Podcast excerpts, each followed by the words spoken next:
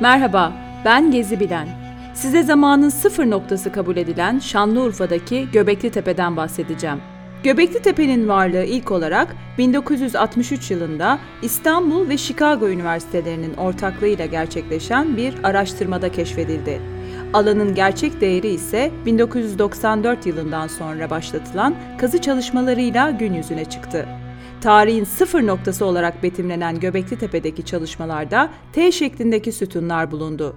Kireç taşından yapılan bu sütunların yüksekliği 5 metre civarında değişiyor. Günümüzde insanlık tarihinin değişmesine neden olan Göbekli Tepe, açık ara farkla bugüne kadar inşa edilen en eski yapı olarak kayıtlara geçti. Zira araştırmalar sonucunda bu sütunların 12 bin yıl öncesine ait olduğu anlaşıldı.